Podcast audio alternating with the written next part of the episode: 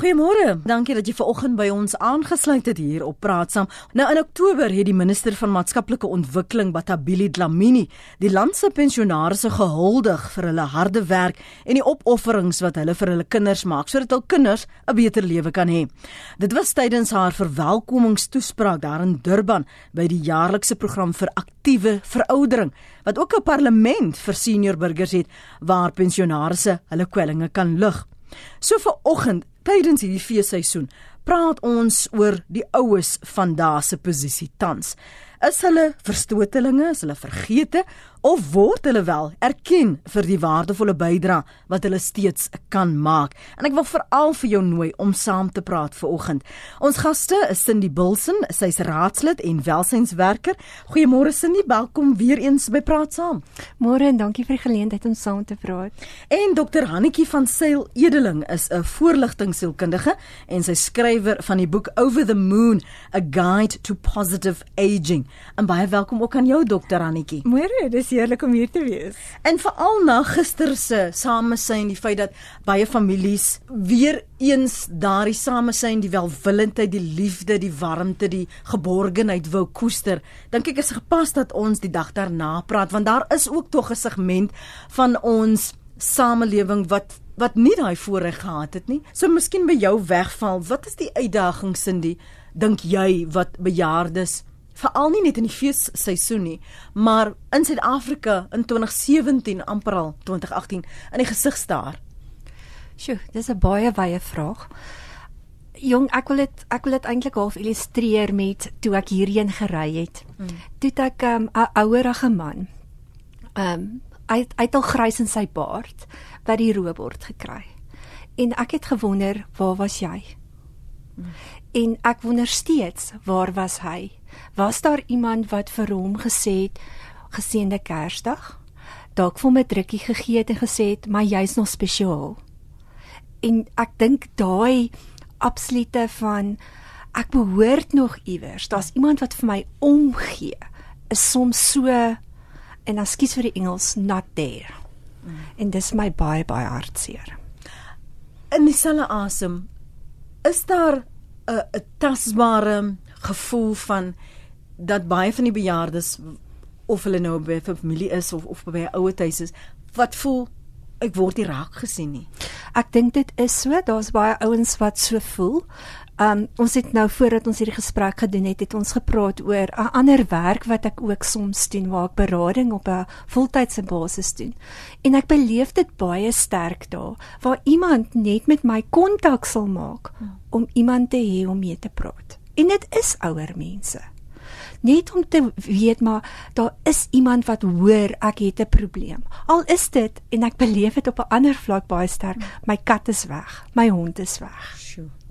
So iets wat verander as ja, so eenvoudig kan wees, ja. is so ingrypend Dr. Annetjie in, ja. in ouer mense se lewens want dit word hulle daai lewe en dis waar hulle geborge voel ek is nog deel van iemand al is dit 'n ou diertjie wat ek kan vertroetel. Weet jy ek sien lees daar so baie dat die ondersteuningsstelsels wat ons gedink het ons gaan hê nie meer daar is nie. Daar is so baie mense wie se families oor die wêreld is en waar dit van tevore amper van selfsprekend was dat die families bymekaar gaan kom oor Kersfees. Ek kan onthou uit my kinderjare uit, die hele familie het afgesak plaas toe en dit was neefs en niggies en ooms en tannies van 'n kant af. En deesdae gebeur dit nie meer nie want 3 kwart van die mense sit oor see. So daai ondersteuningsstelsels is net baie moeiliker en die ander ding is baie meer mense is geskei.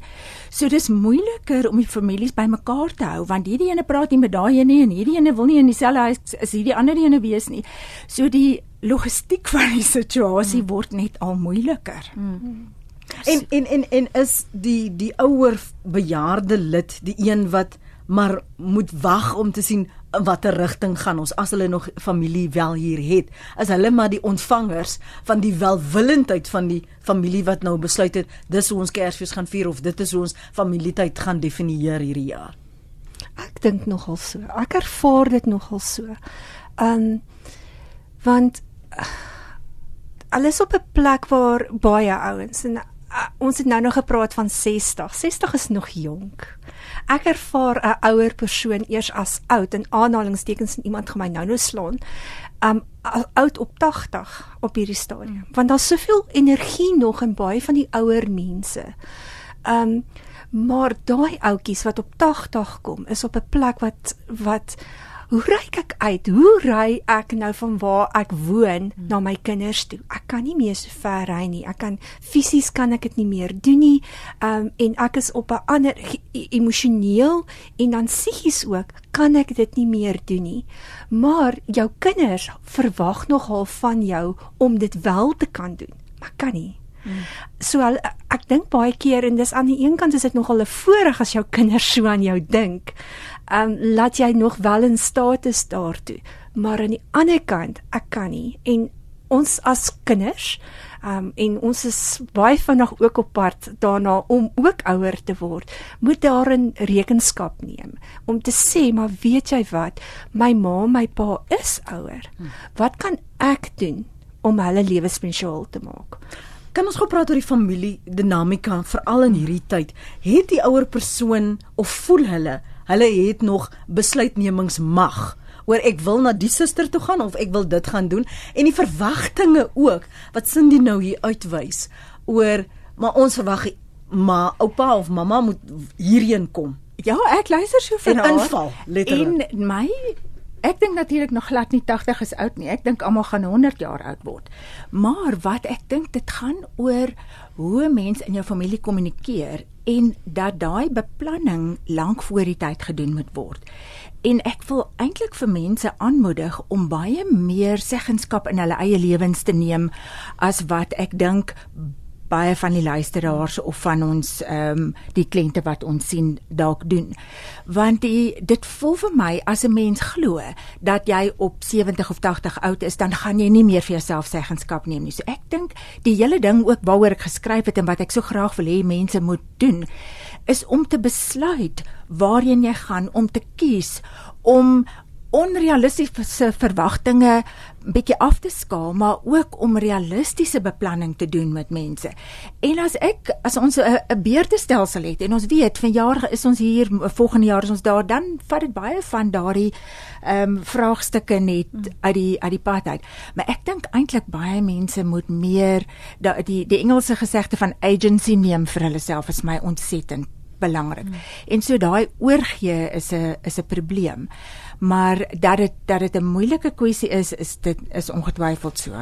Ek sien so saam met Annetjie wat sy daar sê, nê. Um Askies hierdie die woorde wat jy gebruik het aktiewe veroudering. Ek mm. love dit. Mm. Want as ons jy iemand kan oud wees op 40. Ja.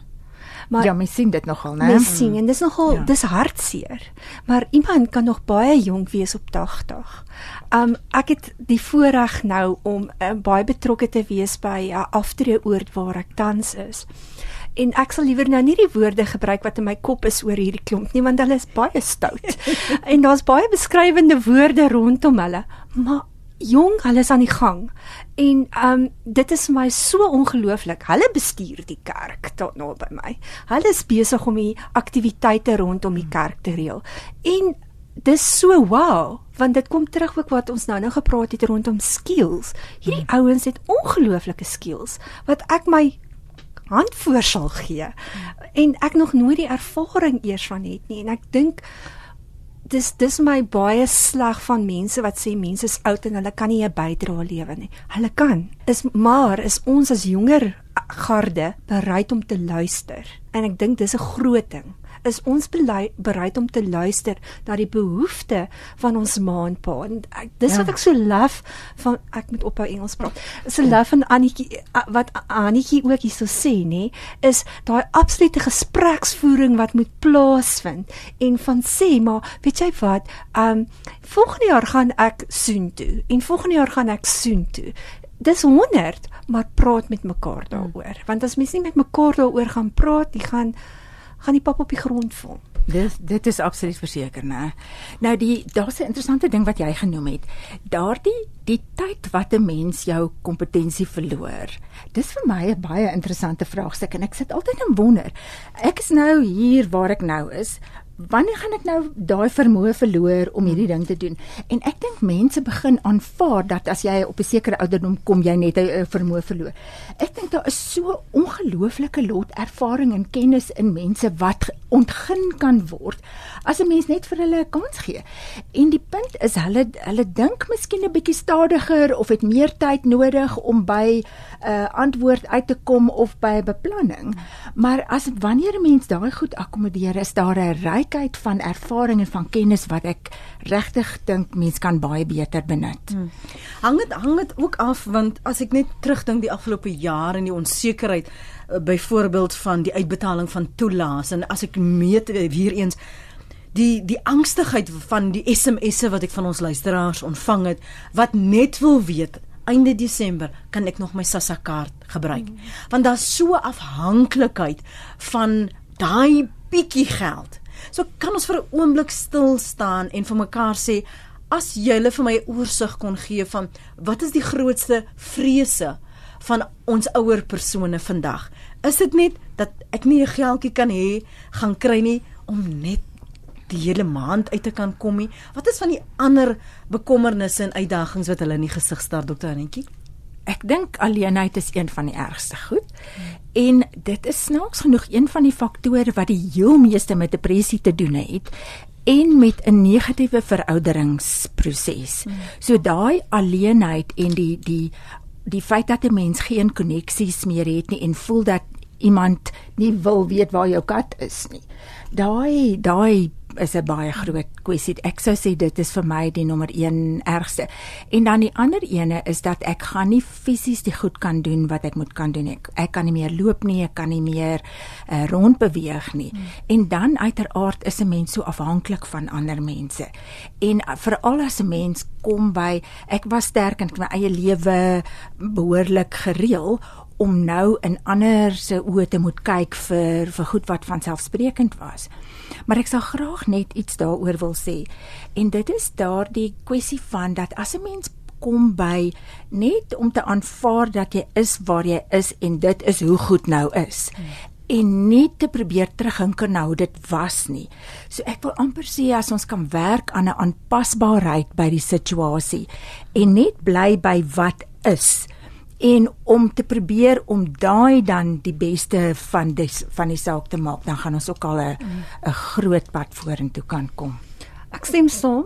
Ehm um, dis die een gedeelte daarvan. Ek ehm um, ek dink nou aan 'n gesprek wat ek gehoor het vroeër waar daar gepraat is op een van die ander programme van RSG van mense wat bekommerd is word ek in my huis aanval aangevul. Ja, ja, ja. En ek dink dis ook 'n baie groot groot groot aspek hiervan van ek is nie meer sterk genoeg om daai situasie te voorkom nie. Hmm. So daai angs waarin baie bejaardes leef op die oomblik wat byvoorbeeld nie in 'n aftreeoord of in 'n ouer huis woon nie. Dit is dit it's real. Hmm. Dis ja, in Suid-Afrika is die veiligheid 'n baie groot kwessie. Dis dis 'n rarige probleem. Ek wil ek egter terugkom na die aspek wat jy genoem het van mense wat ehm um, wat SASSA uitbetalings skryf want dis nou meer die segment waarmee ek baie te doen kry. En ja, van hoe oorleef ek tot môre toe is 'n realiteit. Want ehm um, ek het nie en dis 'n simpel ding. Ek het nie tandepasta nie. Ek het nie seep nie. Ek het nie shampoo nie. En dit dra deel by tot daai menswaardigheid, né? Dat ek tog nog na myself kan kyk en op 'n ma in 'n mate vir myself kan sorg. Ja. Want ek dink en dis waar ehm um, Hannetjie se sielkunde ook nou vir my baie nice is om in te kom om te sê, maar weet jy daai menswaardigheid van ek is nog ek is iemand hmm. van ek kan my tande borsel, ek kan my hare was, hmm. ek kan bad. Want dit dra by van ek is nog. Okay. En baie keer kan kan bejaardes veral ouens waarmee ek te doen kry, kan dit nie doen nie. Um en hierdie tyd dis my altyd 'n voorreg om dit te kan doen is om hmm. klomp mense bymekaar te maak en sulke verrassingsboksies wel te kan maak met net daai goed in. want dit is mense dink is so so alledaags, So basies. so basies. Mm. Maar hoeveel kos dit dan 'n borsel? Hoeveel kos dan 'n pasta? Ek ek kan nou nie onthou nie, maar dit dit kan nogal 'n duur artikel wees as jy mm. nog graag wil melk koop mm. om hom in jou tee te sit. Ja. So dis baie elementêr en ons het nou baie sterk gepraat oor 'n segment in in ons samelewing wat op 'n op 'n middel-ekonomiese vlak en hoë ekonomiese vlak funksioneer dink ek. Maar die ander ouens is waar my hart baie sterk lê. Dis my hart lê by die oom wat by die verkeerslig gestaan het wat ek nou-nou gesien het en ek het gewonder oom hoe was jou dag? Dis praat saam, ons praat met en oor ons oues vandag, hulle posisie tans in Suid-Afrika. Ehm um, waar sien jy jouself? Nie net as 'n ouer persoon nie, maar as 'n kind van 'n ouer persoon wat dalk daardie versorging moet hanteer of half deels moet bydra tot die versorging uh, van 'n ouer en die uitdagings wat, wat daarin lê. Ons het nog nie eens daaroor gepraat nie, maar, maar ons kom daarby, ons kom daarby. As jy nou eers by ons aangesluit het, my gaste vanoggend is Cindy Bilson, sy's raadslid en welsynswerker en Dr. Hannetjie van Sail Edeling is 'n voorligtingsielkundige en sy skrywer van die boek Over the Moon: A Guide to Positive Aging. En jy het nou baie klem gelê op hoe hoe die ervaring is en en om seggenskap te te aanvaar. En en ek praat nou vanuit die ontvanger se kant aan aan die ander kant van die jonger persoon wat nou aan ouers na na ouers moet kyk en ek weet daar's 'n segment van ons luisteraars wat ook daardie ervaring deel. En ek raak bewoe as as julle albei praat van jy weet daai gevoel van ek wil nog of onafhanklik wees en ek dink aan my eie ouers. En dit maak my verskriklik emosioneel want ek sien hmm. ook hulle is nie waar hulle graag sou wou wees nie. Hmm. Die afhanklikheid van van Sas aan die ander kant, maar ook die gesondheidskwessies en wil nog menswaardig wees. So ek gaan nie erken ek het jou nodig nie of ek kan nie meer so goed hoor nie. Um of ek vergeet waar ek dinge gesit het. Hoe moet jy ook ek begin erf aanvaar dokter Annetjie. Annetjie dat dat ja. ek kan nie meer alles vir myself doen nie. Ek moet 'n mate ek is ongelukkig ook afhanklik ja. van my kind. Weet jy Lenet, dit is vir my so 'n interessante kwessie want dit is wanneer 'n mens wegkom van die verwagting dat ek moet wees hoe ek altyd was. Mm. En jy kan net bly by hoe dit nou is. Daar's 'n hele kwessie van mindfulness, 'n tipe van 'n bewuswees, mm. net van waar jy is en om sonder oordeel te aanvaar net waar jy nou is. En ek dit is 'n ongelooflike moeilike ding om te doen. Maar jy sal ehm um, miskien bekend wees met die term van reframing. Ja. Ehm um, waar 'n mens kan eerder as om te dink dis vreeslik sleg van my om nou afhanklik te wees. Miskien is dit so bestem dat ek vir ander 'n geleentheid gee om te kan besorgd wees, om te kan versorg, om te kan help, om 'n ander heel ander deel van hulle eie persoonlikheid te ontwikkel.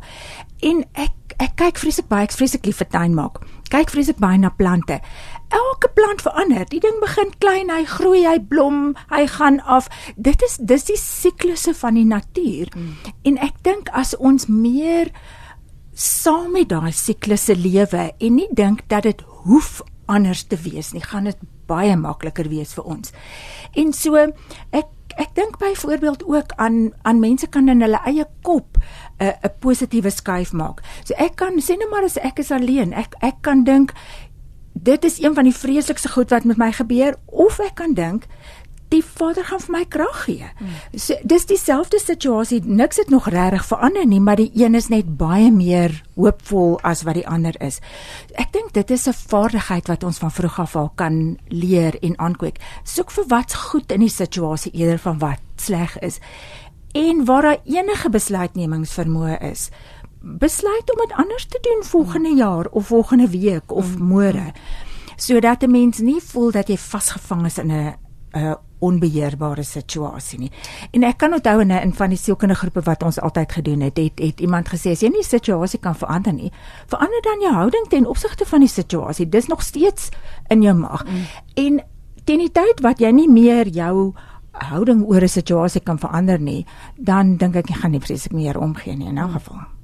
So na die breek wil ek hê ons moet 'n bietjie gesels ook oor oor die hardkoppigheid wat sommige sal sê van hulle ouers en die uitdagings wat jonger mense in die gesig staar, maar dan ook daardie groep wat ver oggend niemand het om na te luister nie dat ons 'n bietjie klem daarop lê en hoe ons as 'n gemeenskap wel kan begin omgee vir die oom wat op die hoek staan en dan ook miskien gesels oor gemeenskappe waar jy nou van niets af 'n nuwe gemeenskap, 'n nuwe familie by jou ouete huis um, moet uh, help vorm. Kan sommer voel hoe ons luisteraars voel, die die wat voel uiteindelik is daar vir ons nou vir oggend 'n platform om saam te praat en en, en my gaste dink ek um, doen uitstekende werk daarvan om te raak aan wat jy ervaar as 'n luisteraar of as 'n persoon wat in 'n um, ouete huis byvoorbeeld woon of waar jy as 'n familie besluit het dalk gister om die Kersfeestafel. Dalk is dit tyd dat ma en pa nou gaan na 'n 'n ouete huis. Dalk moet een van die susters die versorging oorneem.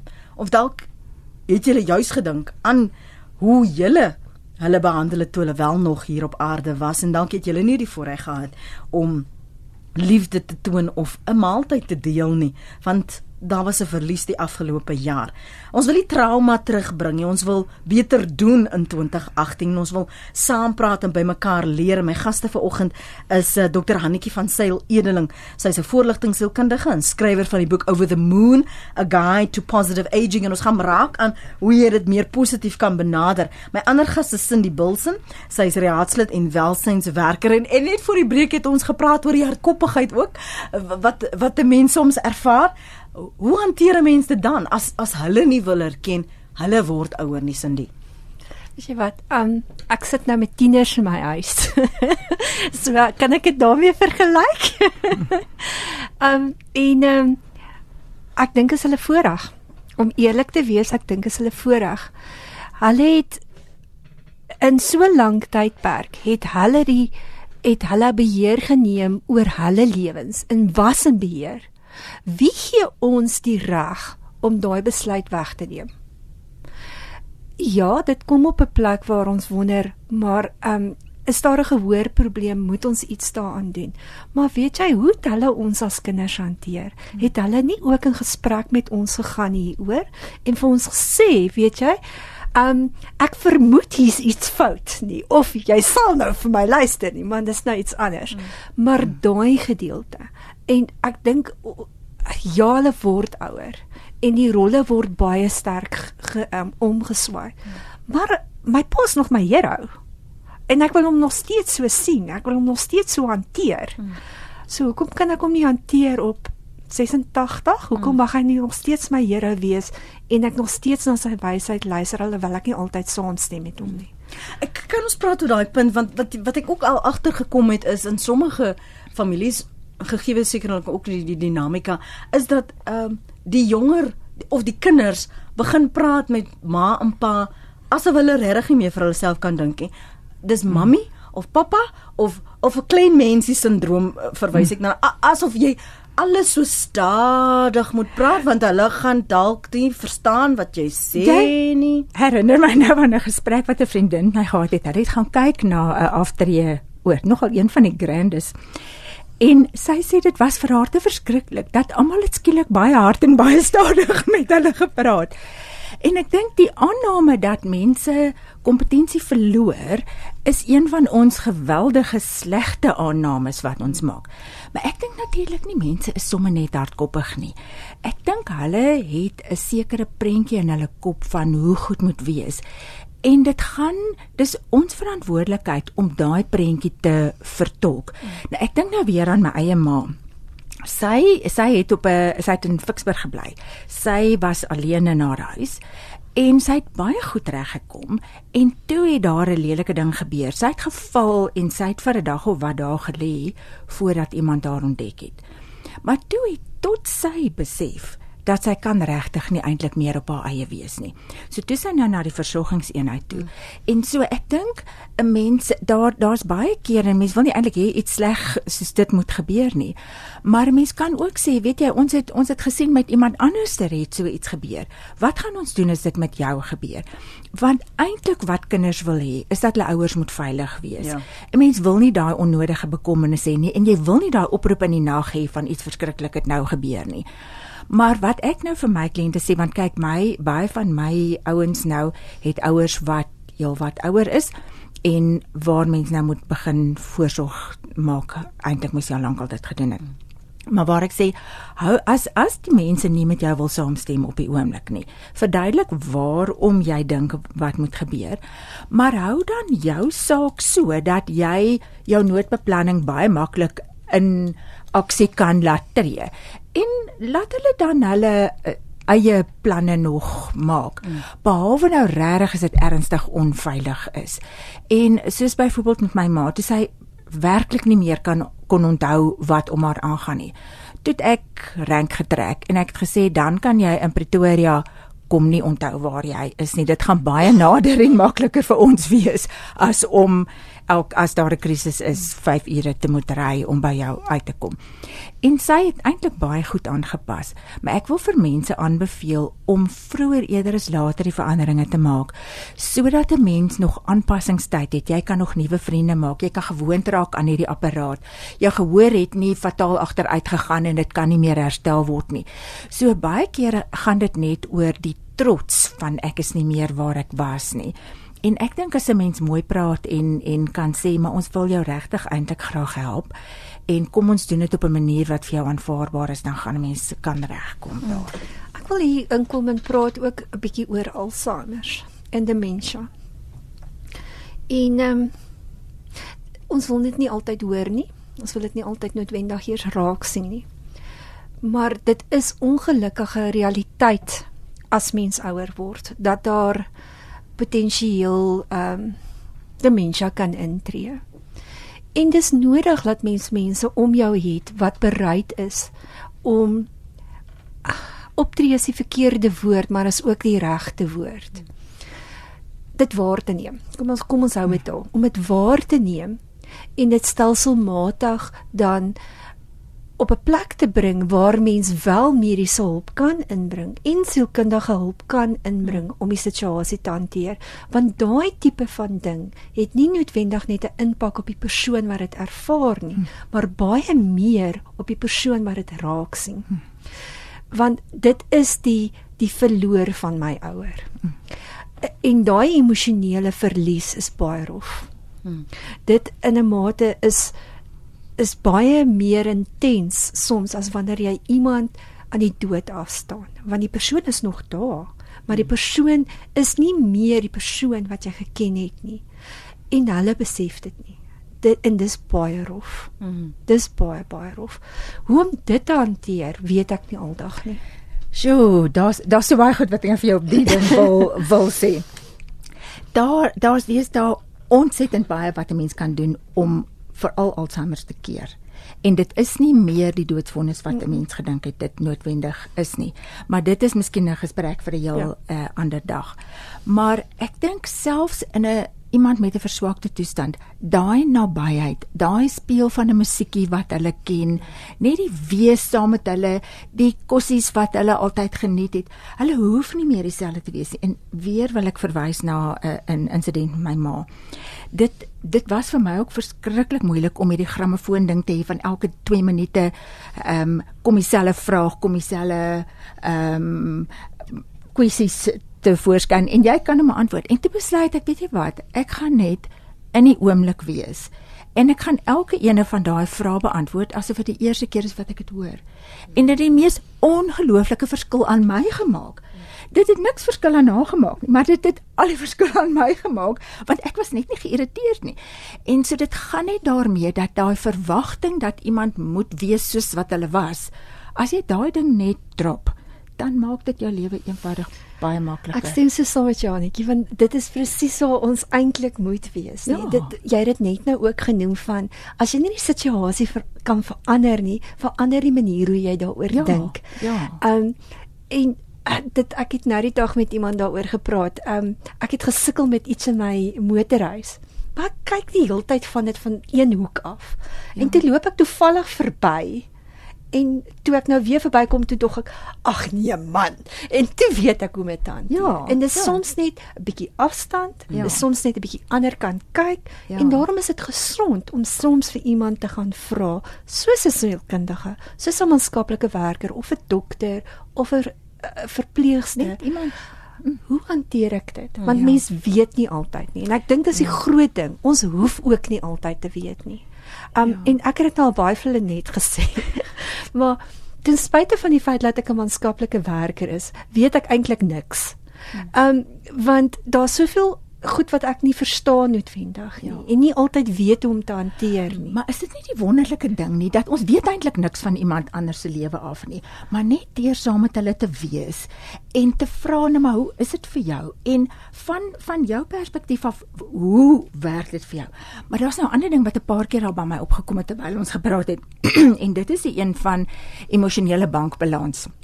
En ek dink van die goed wat 'n mens doen wanneer jou ouers ouer word en nie meer so 'n uh, kern kan intree in 'n ou se lewe nie, dan is jy eintlik besig om te onttrek uit die bankbalans wat oor jare opgebou het.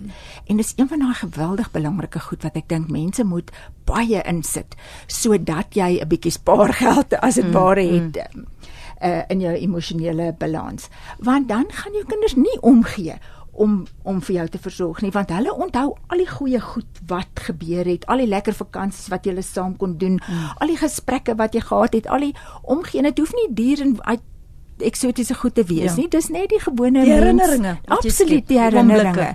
Ja, daai my pa het altyd saam met my gelees of hy het die moeite gedoen om met my te gaan stap en met my te praat. Daai goed kos nie regtig geld nie, maar dis die belegging wat jy maak eintlik in jou eie ou dag, want dat mense nog by jou wil wees. Want ek sien ook mense wat niks vir hulle ouers te sê het nie en my pa was net altyd krities oor my en hy het nooit 'n goeie ding vir my gehad nie. So, hoekom moet ek nou moeite doen? Hmm. So dit daar's ook 'n bietjie van mens moet maar in jou toekoms belê en besluit om 'n ordentlike mens te wees en om kontak te maak hmm. en te hou.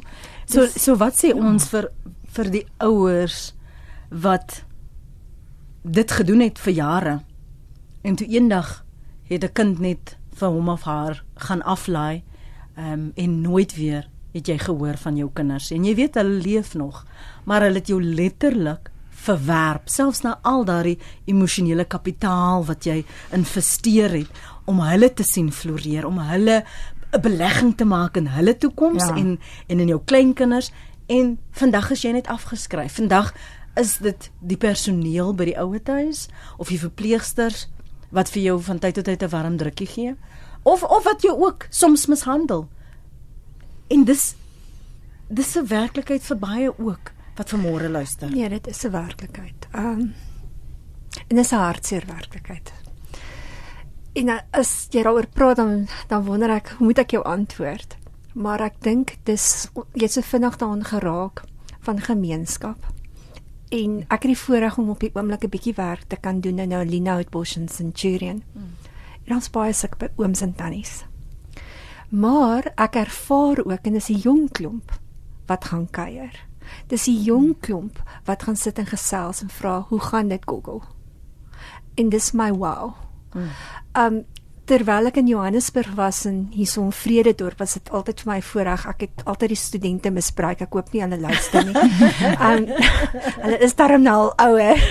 Maar terwyl ek hier in in Vrededorp was, was dit vir my ongelooflik uh, dit was 'n voorreg om saam met die jong klomp van UJ te gaan en te gaan kuier by die bejaardes.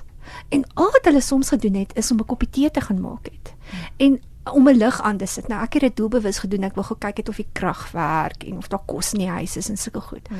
Maar daai bietjie van kontak was baie wow. Hmm. En, en ek dink aan ekskuus ek dwaal nou so 'n bietjie af, Nee, so bring my maar terug. Um ek het die voorreg gehad om baie lank deel te wees van 'n bejaarde sportdag wat hier plaasgevind het. En die tweedejaars studente by UJ het dit altyd aangebied. Nou ek sal nie vertel hoe stout die ou mense was nie. Ons sal hulle ook die oud noem nie, nie op daai spesifieke dag nie. Maar wow. Daai aanraking en sosiale saamwees en dan praat ek van ouens wat ons van Hielbral af gaan haal het om deel te wees van hierdie aksie wat saam met hierdie jong klomp die mekaar geraak het en deel was. En kyk dit was harde werk. Dit is nie sommer net nie. Ons die laaste keer wat ek dit saam met hulle gedoen het, was ons oor die 800 bejaardes wat daar was. Maar daai sosiale saamwees en interaksie en die tannie wat vir my sê gaan ons net nou weer hierdie jaar hou instaan daar 'n mooi jong manne met wie ek kan dans. Ehm um, dis dis baie wow. En ek wat haar na die tyd in die in die first aid tent kry want sy het nie sy het nie suurstof nodig gehad na die na die dans, jy weet. Dis my baie wow. En ehm um, dis iets wat ek nogal dink ons as gemeenskappe kan meer in belê. Ja, hmm, ja. Um meer sulke aksies doen. Um daai seggens ding wat sê die kinderhuise moet altyd langs die ouete huise gebou word. Weet jy, ek dink nogal ook so. Hmm. Mens hoef nie noodwendig jou belegging van jou eie kinders af terug te kry nie, nê. Nee. Ek dink dis presies wat jy nou sê. Daar's so baie mense met met met goeie gesindhede en goeie bedoelings. Mens met die regte lotte bymekaar uitkry. En dit klink vir my iemand soos jy weet baie goed hoe om dit reg te kry. Maar ek dink ook dis dis weer daai kwessie vir my van mens kan nie noodwendig verwag van jou familie om die ding te doen nie. M Miskien gaan dit nie so wees nie. Ons weet ook eintlik nie wat die plan met ons lewe regtig is vorentoe nie.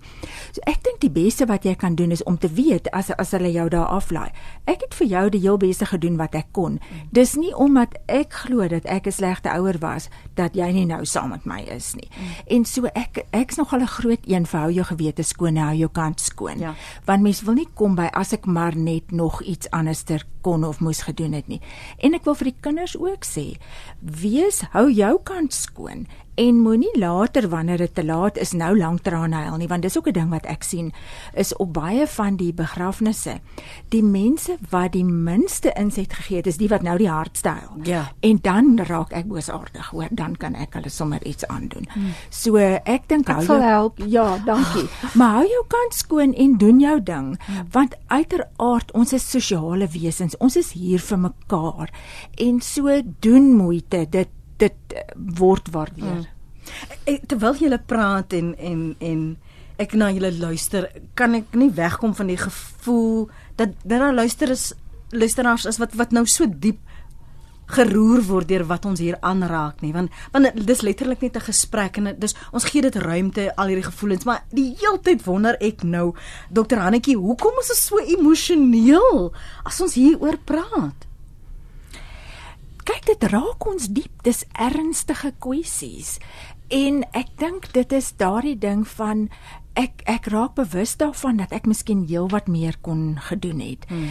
En ek is ek is eintlik bly as mense geraak word daardie weerloosheid ook wat daarmee gepaard ja, gaan. Ja, ja, en ek wil hê ons moet dit raak sien hmm. en almal besluit om nicer mense te wees in die toekoms en om net daai bietjie ekstra moeite te doen want regtig waar die daar daar naby ons is so bedelaar wat ek ek, ek het besluit ek kan nie vir almal as ek uh, van hier af Centurion toe ry by elke stopstraat nie maar daar's 'n paar vir wie wie mens gee. En jy bou nou 'n verhouding met daai mm. mense op. En hulle is so dankbaar en jy kry so baie God bless you ja. as iets gedoen het daar. Dis amper die moeite werd. Ek ja. voel af jammer as ek nie die ou daar op die op die hoek sien nie.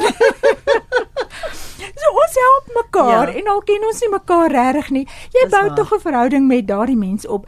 En ek voel jammer want ek sien daardie ek weet nie vir dieselfde ouens van wie ons praat nie. En as ek kom sien dan lyk hy meer krom hy lyk hmm. seker hy lyk ouer en ek dis vreeslik. Hmm. Maar ten minste is daar een vir my mens iets kan doen. En as elkeen net vir hulle eie kringetjie en so bietjie meer doen, dan gaan nou lekker baie oorvleeling wees en ons gaan 'n baie beter proses kan um, handhaaf. Ek um, ek het die voorreg om werk te doen vir Unisa. Dis nie altyd ehm um, veral as by die merkwerk kom is dit nie altyd nice nie, maar ons sal nie daaroor praat nie.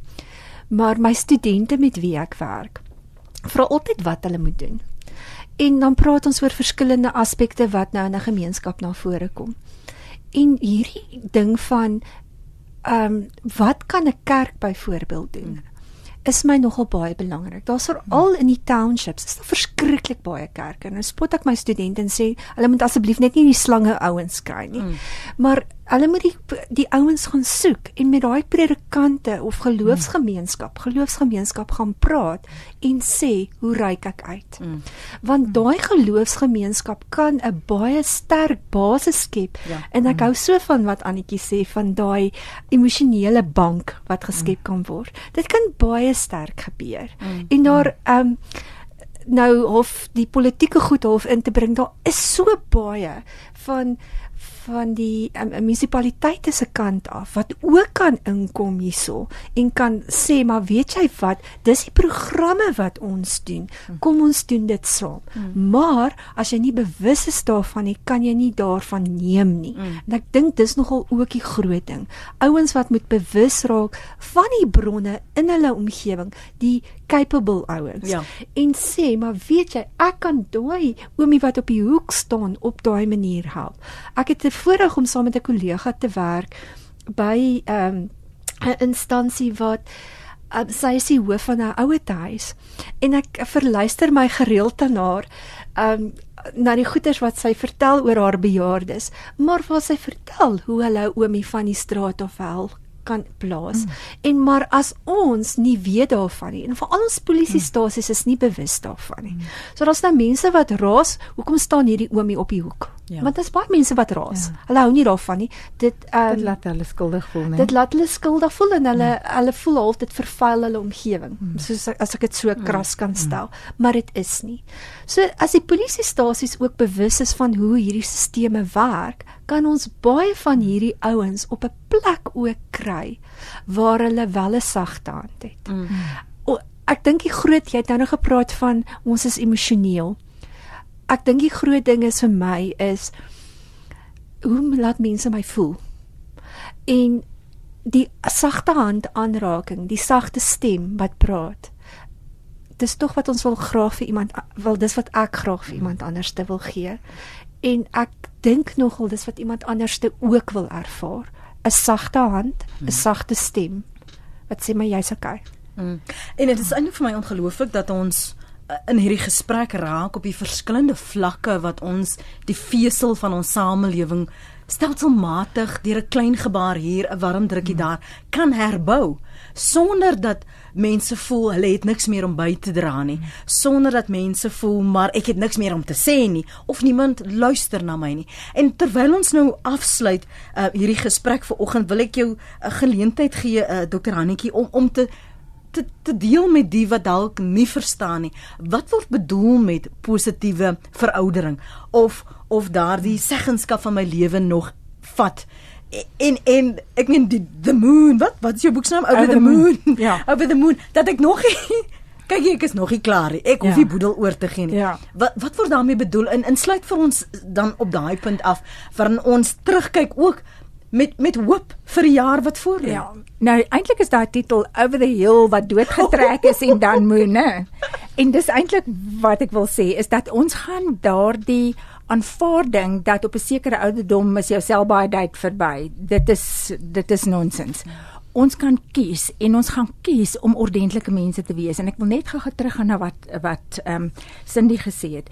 'n mens se grootste behoefte eintlik is aan aandag. Ehm um, die sekuriteit en kos en daai klas van goed is natuurlik van selfsprekend, maar die emosionele behoefte is aan aandag. En selfs al kan jy nie goed hoor nie, selfs al kan jy nie meer verloop nie, jy kan by iemand gaan sit wat siek is en net hulle hand vashou of 'n glas water aandra of net die radiostasie vir hulle verander. Daar's baie klein goed wat 'n mens kan doen.